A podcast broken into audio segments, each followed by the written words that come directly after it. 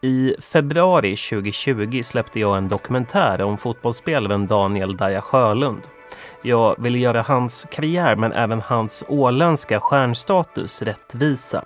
Så jag samlade på mig mycket material och då menar jag också mycket material. Men trots det långa formatet som en dokumentär är så blev det kort med tanke på hur mycket material jag hade samlat in.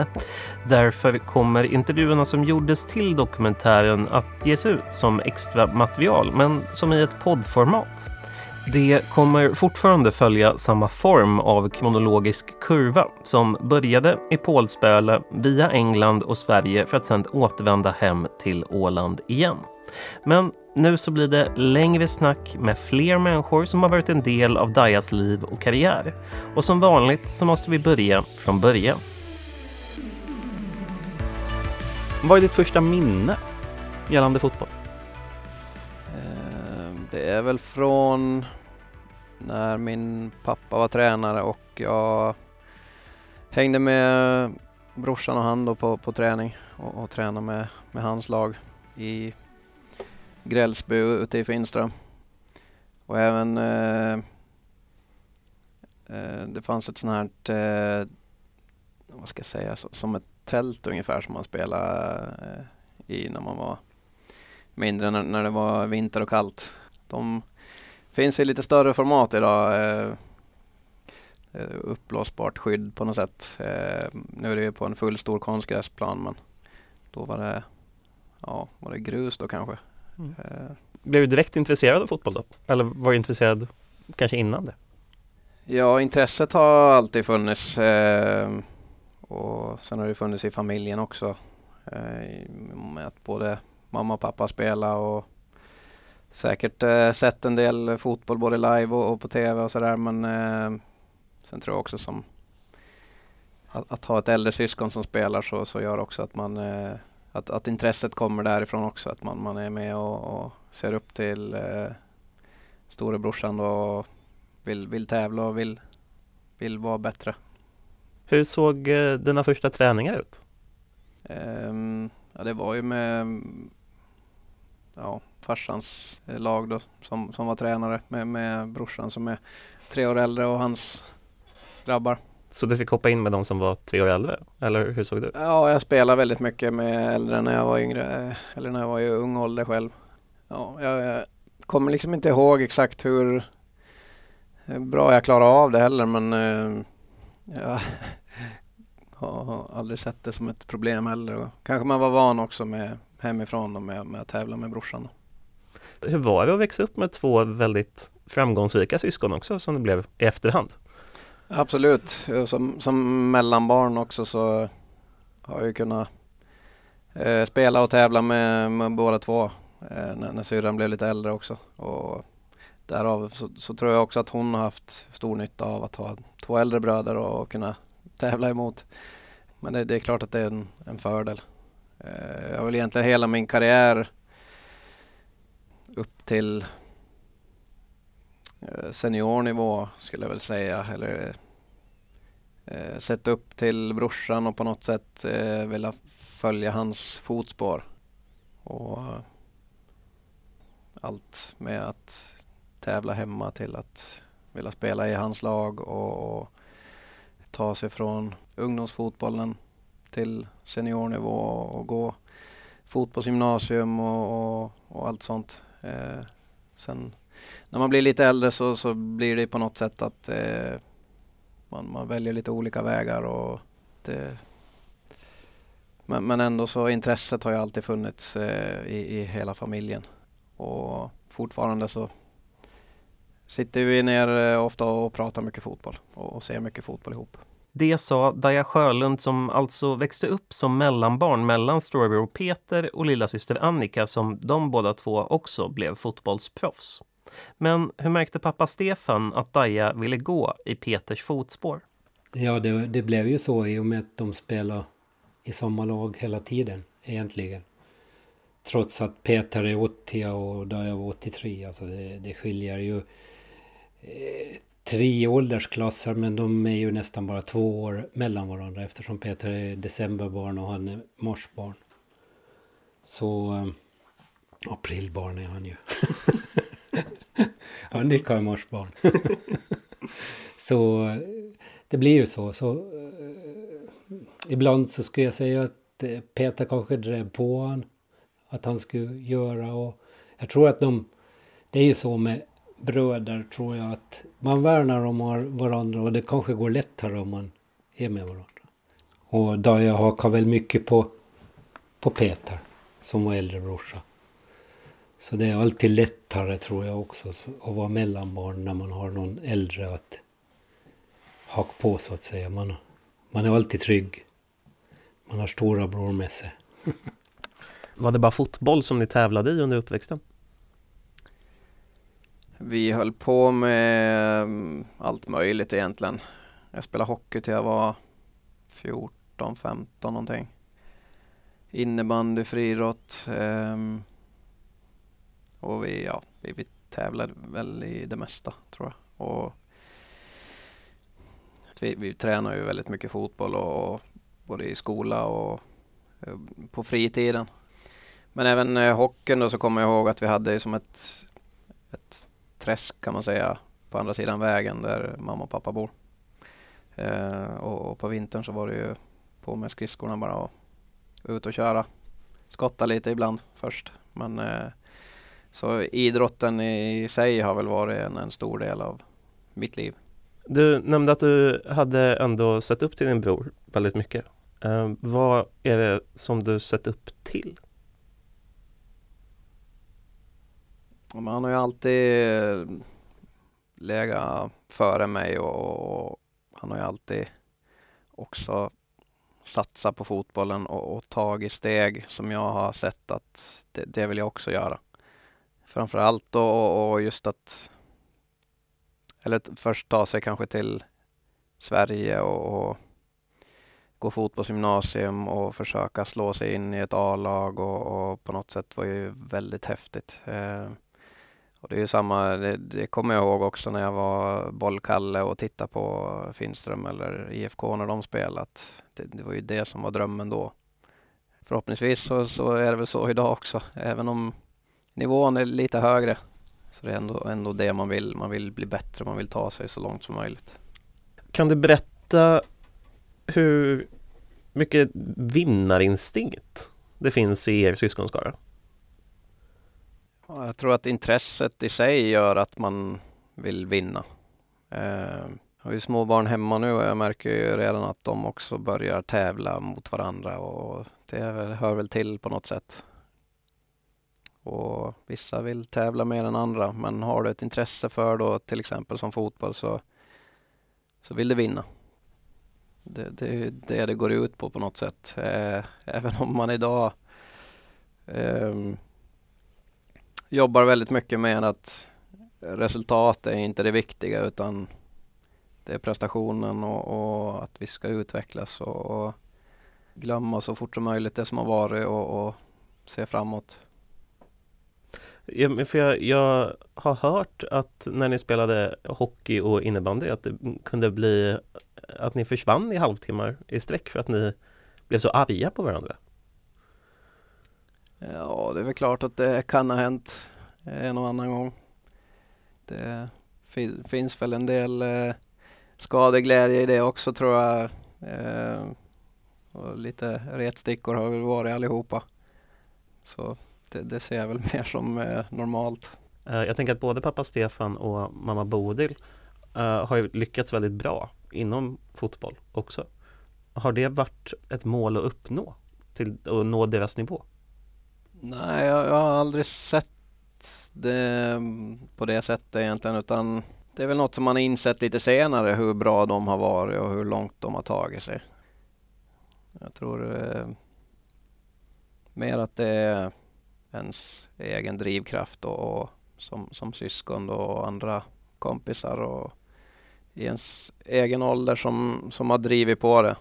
Och där har jag haft tur då när jag tittar tillbaka och, och ser på spelare som eh, eh, Janni, Kricke, Tommy eh, som alla var med i landslag och Micka spelar ju många landskamper med också som Tommy och Peter Lundberg då. Eh, jag har ju också alltid varit med och bott väldigt nära.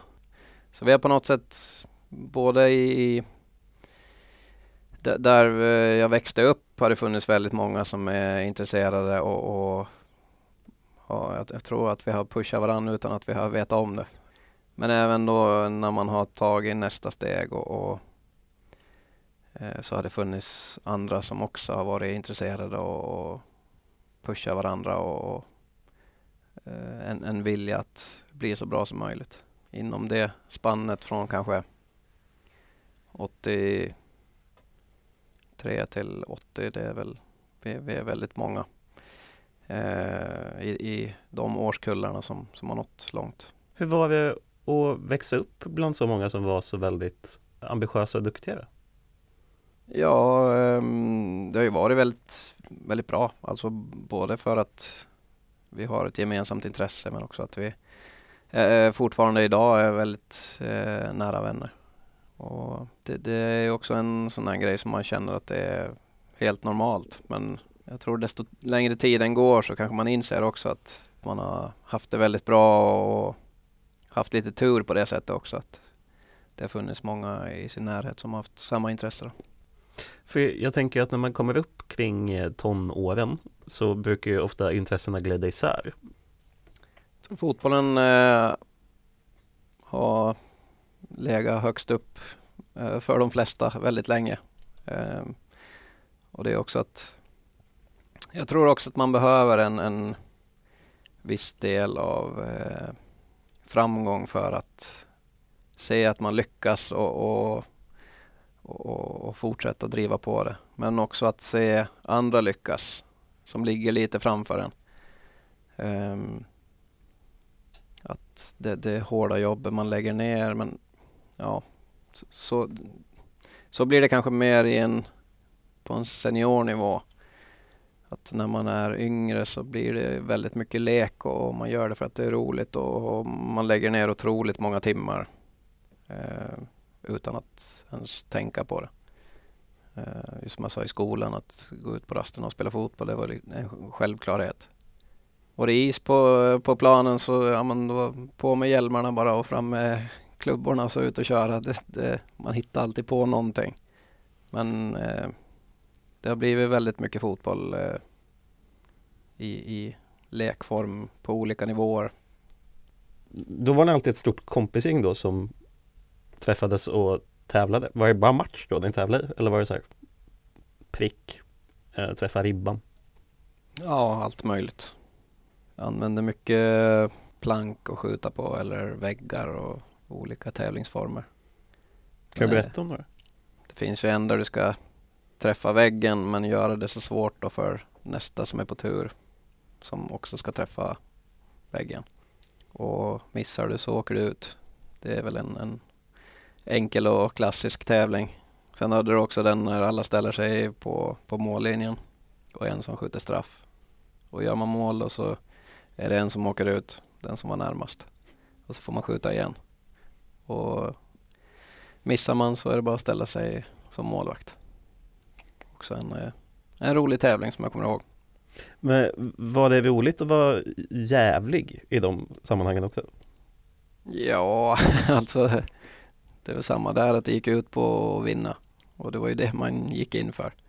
Det var väl sällan tror jag som man gav sig och missade med flit. Eh, men, men där också så, så vill man ju ha en utmaning. Att blir det för lätt så är det inte heller lika kul och därav så ska man tävla så drar man sig lite till dem man får en utmaning av också. Och en som inte drog sig för att ge Daja en utmaning, det var hans barndomskamrat Janni Lyski. Jag minns hur vi lekte på gården hemma hos, eh, ja, vid Daniels barndomshem då. då.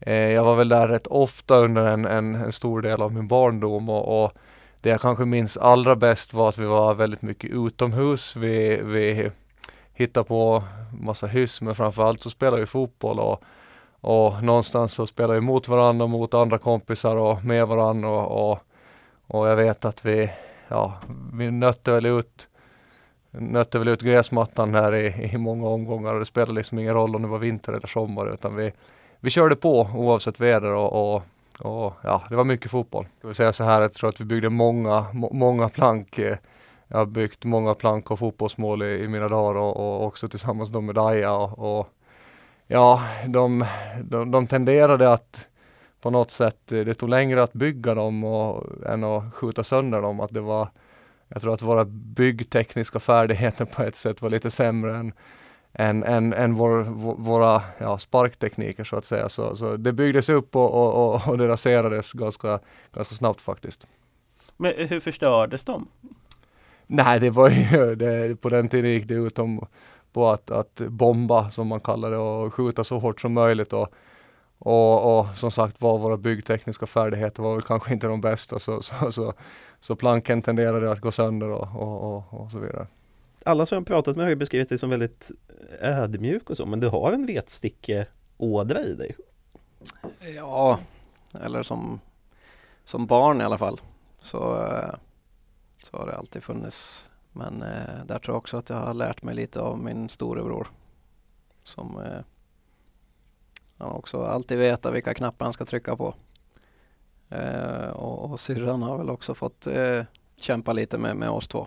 Det, det, är också något som jag ser som helt normalt och en, en del i uppväxten. Så. Men det, det, har blivit mindre och mindre genom åren.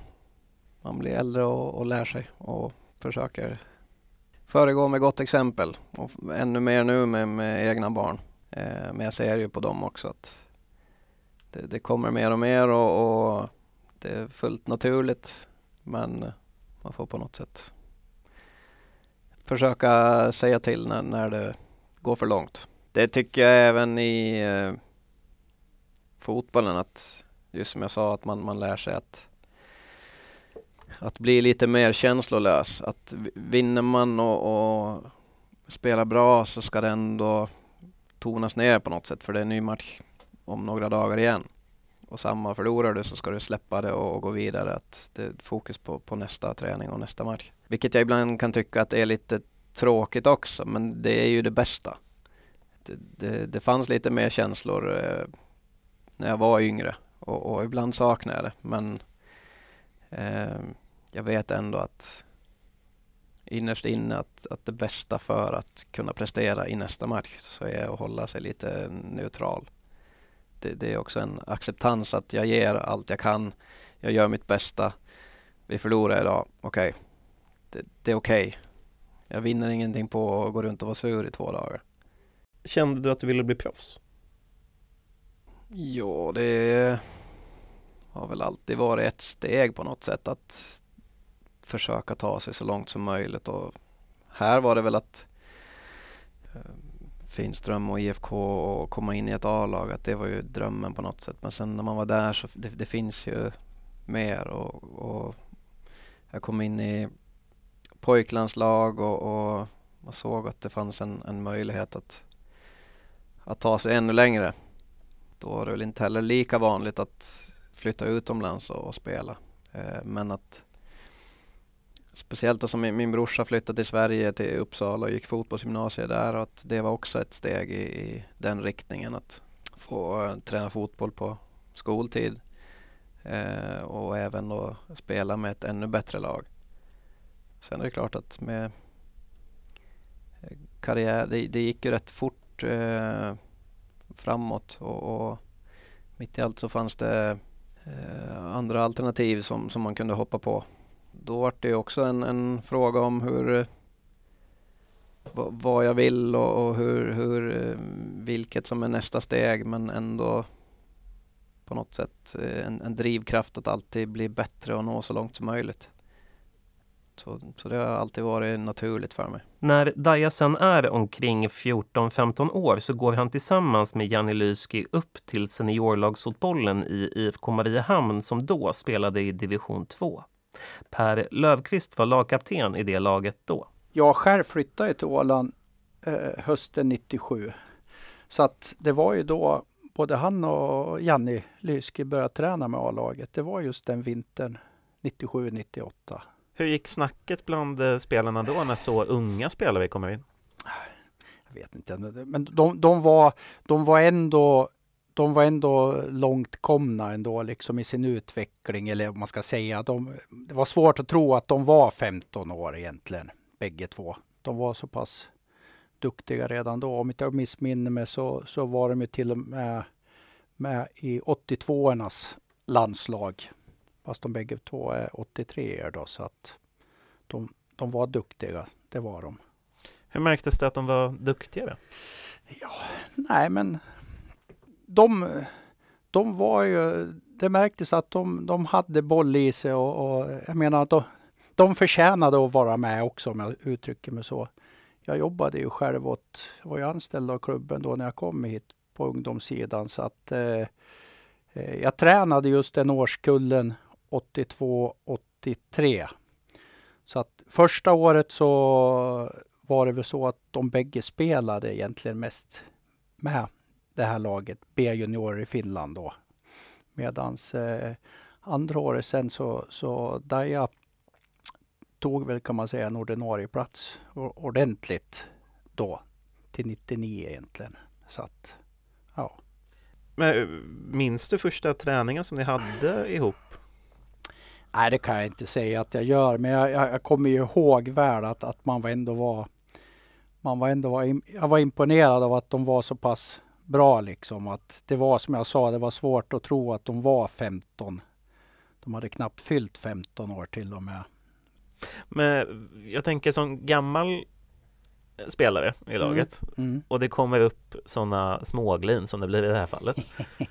Då måste man väl ändå vilja trycka till dem och visa att det här är stora grabbarnas liga? Ja, ska man inte säga direkt men det är klart inte vill man väl ge någon, någon, någon, någon fördel heller på det sättet. Men jag har ju en bakgrund själv när jag var ung spelare att jag kom också tidigt upp i A-laget i, i, i, min klubb i Sverige där jag kommer ifrån. Då, då var jag också där runt 15-16 så att eh, jag vet, jag, jag, vet nog hur, hur det är. Och Fast jag skulle säga att de, Daja på det sättet och även Janne också var ju mycket mer fysiskt mogna än vad jag skulle säga att jag själv var till exempel. Ja. Kan, kan du utveckla med fysiskt mogen? Ja, alltså de, de var starkare och, och, och snabbare på det sättet. Har du någon tydlig minnesbild av Daja? Att han gjorde något på någon träning eller match? Jag kommer ihåg Eh, då säsongen 99, då, då det slutade med att vi kvalade till, till ettan.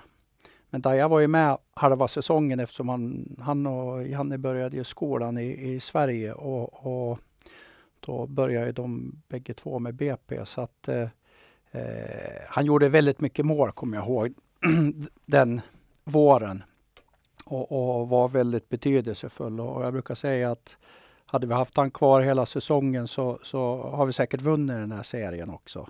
Men jag brukar säga samtidigt att, att det kanske var bra på sitt sätt för vi hade ett ganska eh, man säger rutinerat, många äldre i laget. Så, så det gjorde kanske att när vi inte steg så, så blev det en form av generationsskifte. Och det tror jag var bra också det var de killarna som tog laget upp i ligan sen så att det får man väl säga att det var bra. Men när du tog steget upp till eh, IFK Mariehamn, till A-laget, kändes det som ett rimligt steg? Ja. Um, du var redo? Eh, ja, det tycker jag. Jag kommer, alltså, jag kommer ihåg att vi vi mötte ju andra åländska lag och vi mötte A-laget bland annat i lite inomhusturneringar eh, och, och, jag tycker att vi, vi låg ju efter men inte allt, eh, allt för långt efter. På något sätt ta sig upp och utmana dem kändes också som ett, eh, ett steg som, som inte var allt för långt borta ändå. Jag tänker i samma veva här så är det ju 14-15 så är det ju ungdoms eh, och pojklandslag. Hur, hur såg första uttagningen ut i det? Alltså jag var på sådana här talangläger kommer jag ihåg. Hur uttagningen för den går till har jag ingen aning om men eh, det har man väl insett nu också att de som tränade oss då var säkert eh, en hel del eh, tränarkurser och, och, annat som, som var där och det har ju varit väldigt mycket i Erikille, finska Bosan kan man säga. Men det började ju egentligen innan själva uttagningen för pojklandslag så har vi varit på de här talanglägren då innan. När man var 13, 14 kanske. Ja, men sen efter det så är man väl på något sätt på deras radar och, och det är klart att att slå sig in i ett eh, seniorlag när man är 15 så, så det är väl klart att det på något sätt syns eller hörs någonstans. Det är säkert så att, eller jag vet att eh, som tränare och förbundet och förbundskaptener och har ju mycket kontakt med varandra också. Återigen så, så har jag haft spelare som, som är äldre än mig som har slagit sig in i pojklandslag och ungdomslandslag också. Så det har också varit en, en drivkraft att, att ta sig in där. Men började med distriktslag? Ja, det finns ju en, en cup som man spelar dem med Åland mot andra distrikt som alltså Åbo, Helsingfors och allt möjligt. Hur gick det för er? Så där tror jag. Eh, jag har ingen minne av att vi har tagit oss allt för långt i, i den kuppen. Oavsett ålderskull. Men då så är det åldersindelat, då är det 83 som det gäller? Ja, liksom. precis. Mm. Så, så den har väl ändå varit med och spela. Med eh, ja, 83, 82, 81 och 80 kanske. Men du var med eh, även på de som var tre år äldre då? Tre, fyra? Ja. Åland är ju rätt litet också så måste få ihop ett lag. Um, ja men um, det, det, var en, en det var väl en start kan man väl säga på att, att faktiskt få testa spela mot de bästa i ens egen ålder.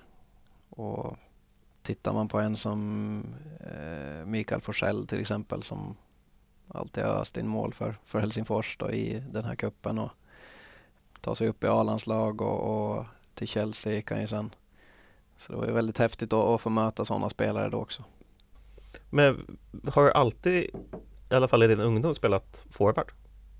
Jag spelade innermittfältare när jag var riktigt ung. Sen när jag spelade med lite äldre så spelade jag ganska mycket på vänsterkanten i och med att jag är vänsterfotad. Det var det föll naturligt. Plus att ni, när nivån blir högre så får man anpassa sig lite också. Och, men sen när jag kom upp i IFKs A-lag så var jag också vänster mittfältare. Körde man 4-4-2 eller? Vi körde 4-4-2 första året. Sen mitt andra år så tog jag steget upp som forward. Både i pojklandslag och i IFK. Då, då spelade vi ett 3-5-2 om jag kommer ihåg rätt. Ja, då tror jag vi spelade med en, en libero. Ser man inte så ofta idag men eh, men det är väldigt många som har gått till det systemet. Eh, I alla fall i allsvenskan. Även i, i finska ligan ser man det mer och mer. Och spela med, med tre mittbackar. Och det var ju väldigt framgångsrikt eh, då. Daja gjorde väldigt bra ifrån sig under våren och gjorde en hel del mål. Lagkaptenen Per Lövqvist berättar att han var en tongivande spelare. Jag kommer ihåg en, en bortamatch i, i Helsingfors. Jag vet inte om det var Fimpa eller vad, vad det var. Det var HIKs, ett av HIKs farmarlag i alla fall.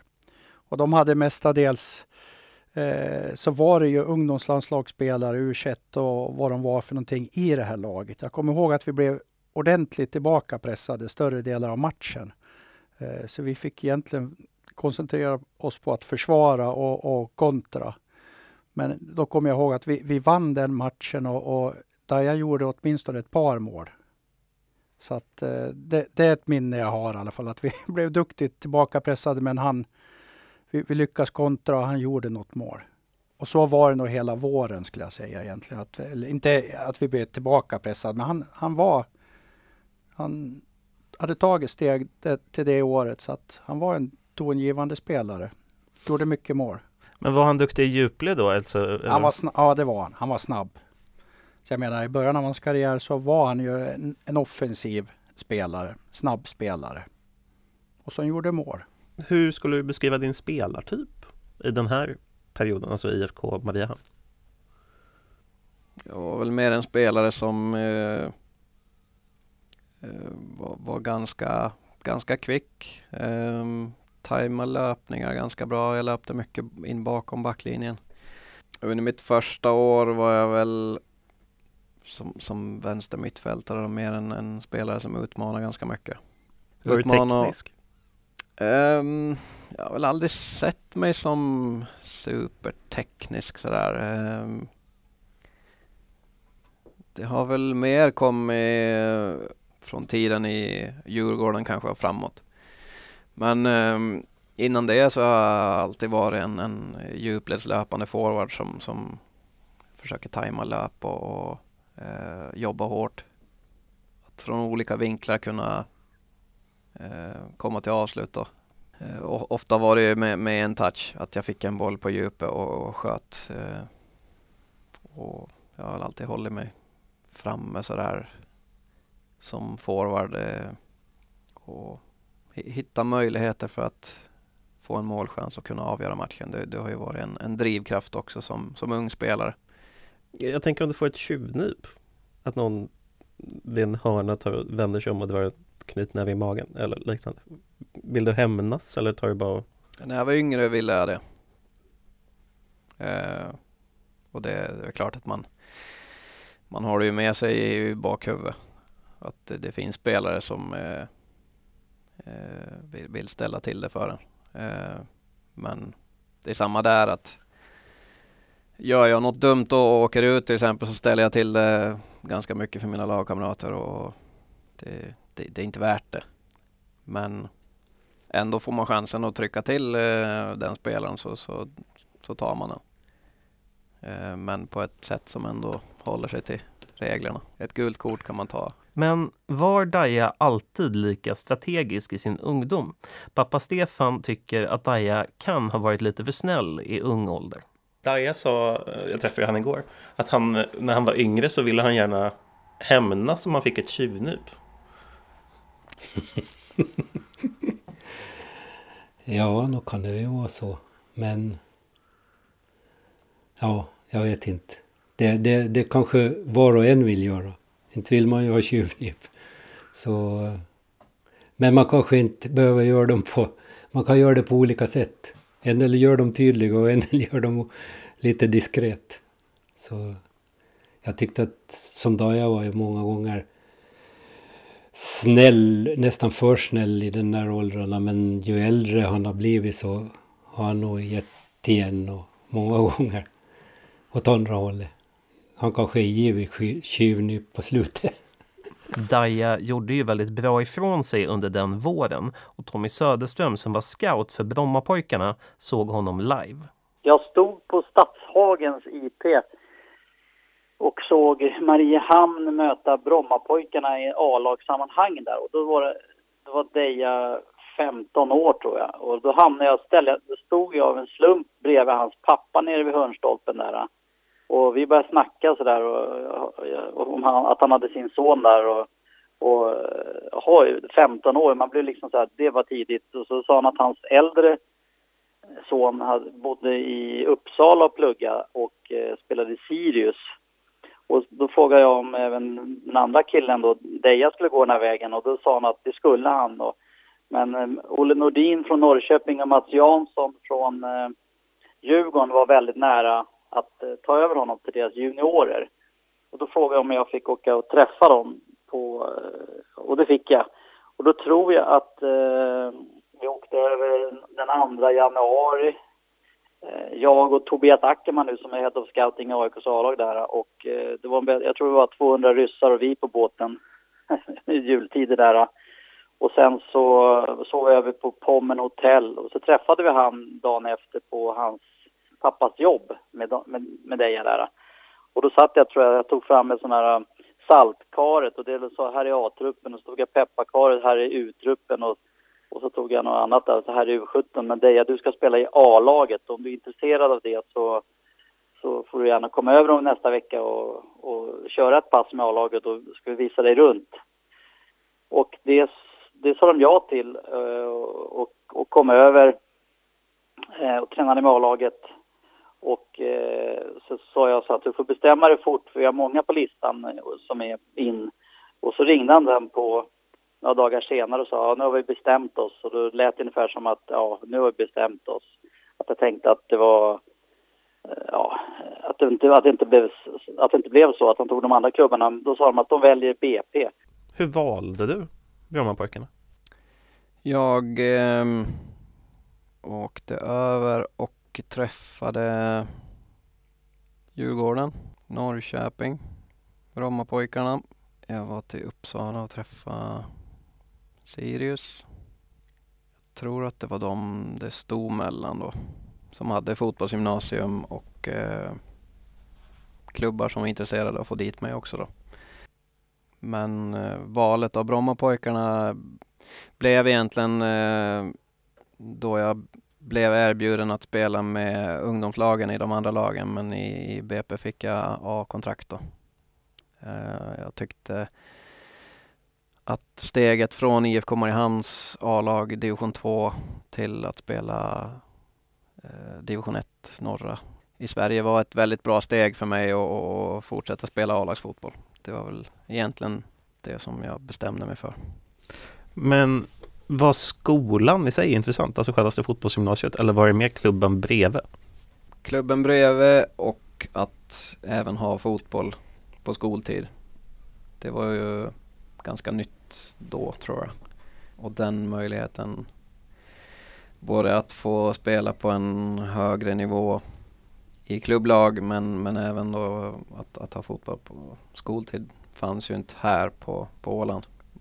Hade det bara varit skola så hade jag kunnat vara kvar här och hade ambitionen inte riktigt funnits och, och ehm, jag hade varit nöjd med att spela division 2 i Finland så, så hade jag varit kvar här. Men jag ville mer och jag ville vidare. I och med att de, de andra ålänningarna som hade tagit steg innan eh, lyckats väldigt bra och trivs väldigt bra med, med det de har gjort så, så vill jag även eh, följa deras fotspår. Väl i Brommapojkarna, hur snabbt tog du in i laget? Jag kom ju dit på sommaren efter att eh, högstadiet slutade här då på, på våren. Så eh, det var väl från juni och, och framåt. Eh, och jag tyckte jag kom in i det bra. Lite lättare också att komma dit på sommaren när det inte var någon skola. Eh, och, och, komma in i, i laget och, och, försöka slå sig in. Eh, ha en trygghet också sen när skolan började och blev tidiga morgnar och just bo i egen lägenhet och, och sen ta sig till träningarna. Och, så det, det var eh, väldigt mycket på en gång att, att, eh, att klara av. Men eh, det, det, var inga konstigheter så. Utan fick mycket hjälp av många runt omkring och, och det, ja. Vad för typ av hjälp? Både med, med ledare runt laget och se till liksom att när, när skolan börjar att man eh, eh, kommer till och från skolan på ett bra sätt och sen bodde jag ganska nära Grimsta då, eh, träningsanläggningen. Men även att, att bo själv i lägenhet och få i sig tillräckligt med mat och det var, det var mycket att, att lära sig men jag eh, har aldrig haft ett problem egentligen med det. Jag, jag tyckte det var väldigt häftigt att, att bo i en egen lägenhet. Eh, men, men att allt det andra kom liksom med på något sätt. Att få lära sig och ta hand om sig själv men, men jag tycker att jag har ganska bra ordning med mig också. Eh. Men steget att gå från Åland till Stockholm och bo själv som första grej som 15-16-åring. Det måste ju vara ett gigantiskt steg. Ja, det var det också men Eh, det var ändå något som jag sett fram emot väldigt mycket.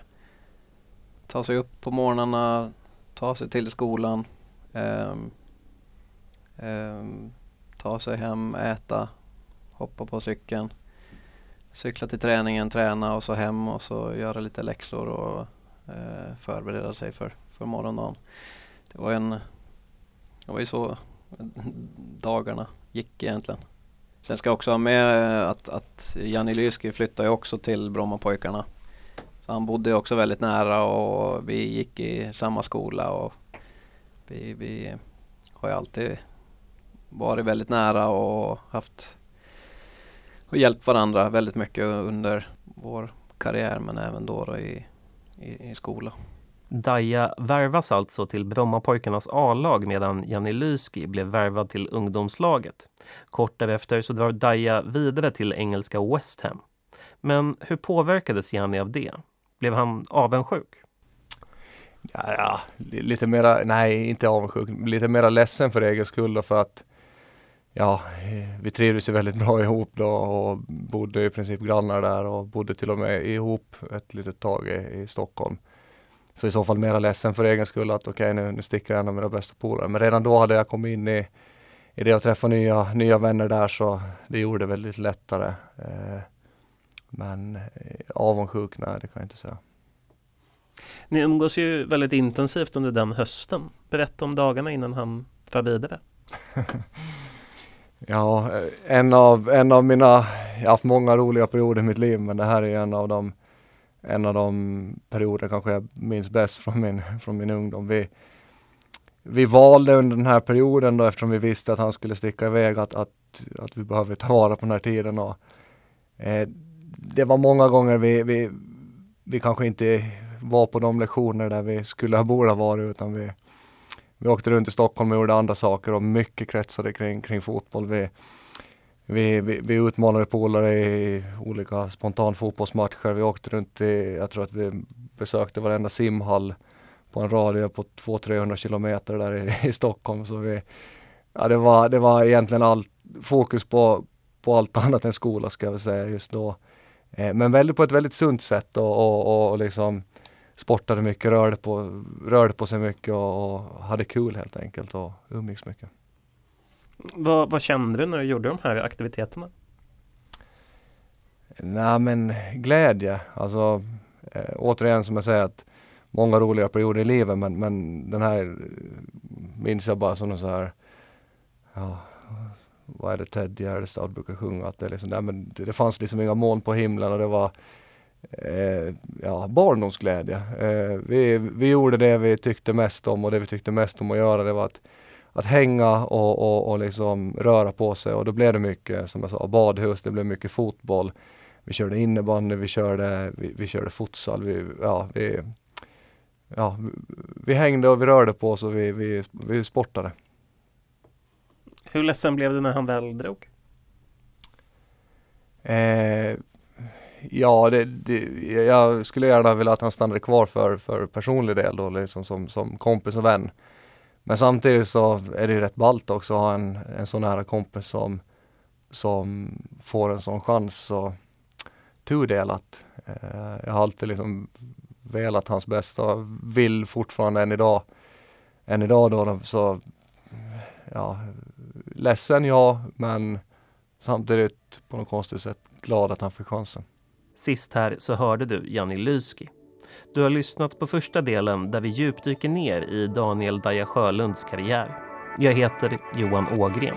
Tack för att du lyssnade.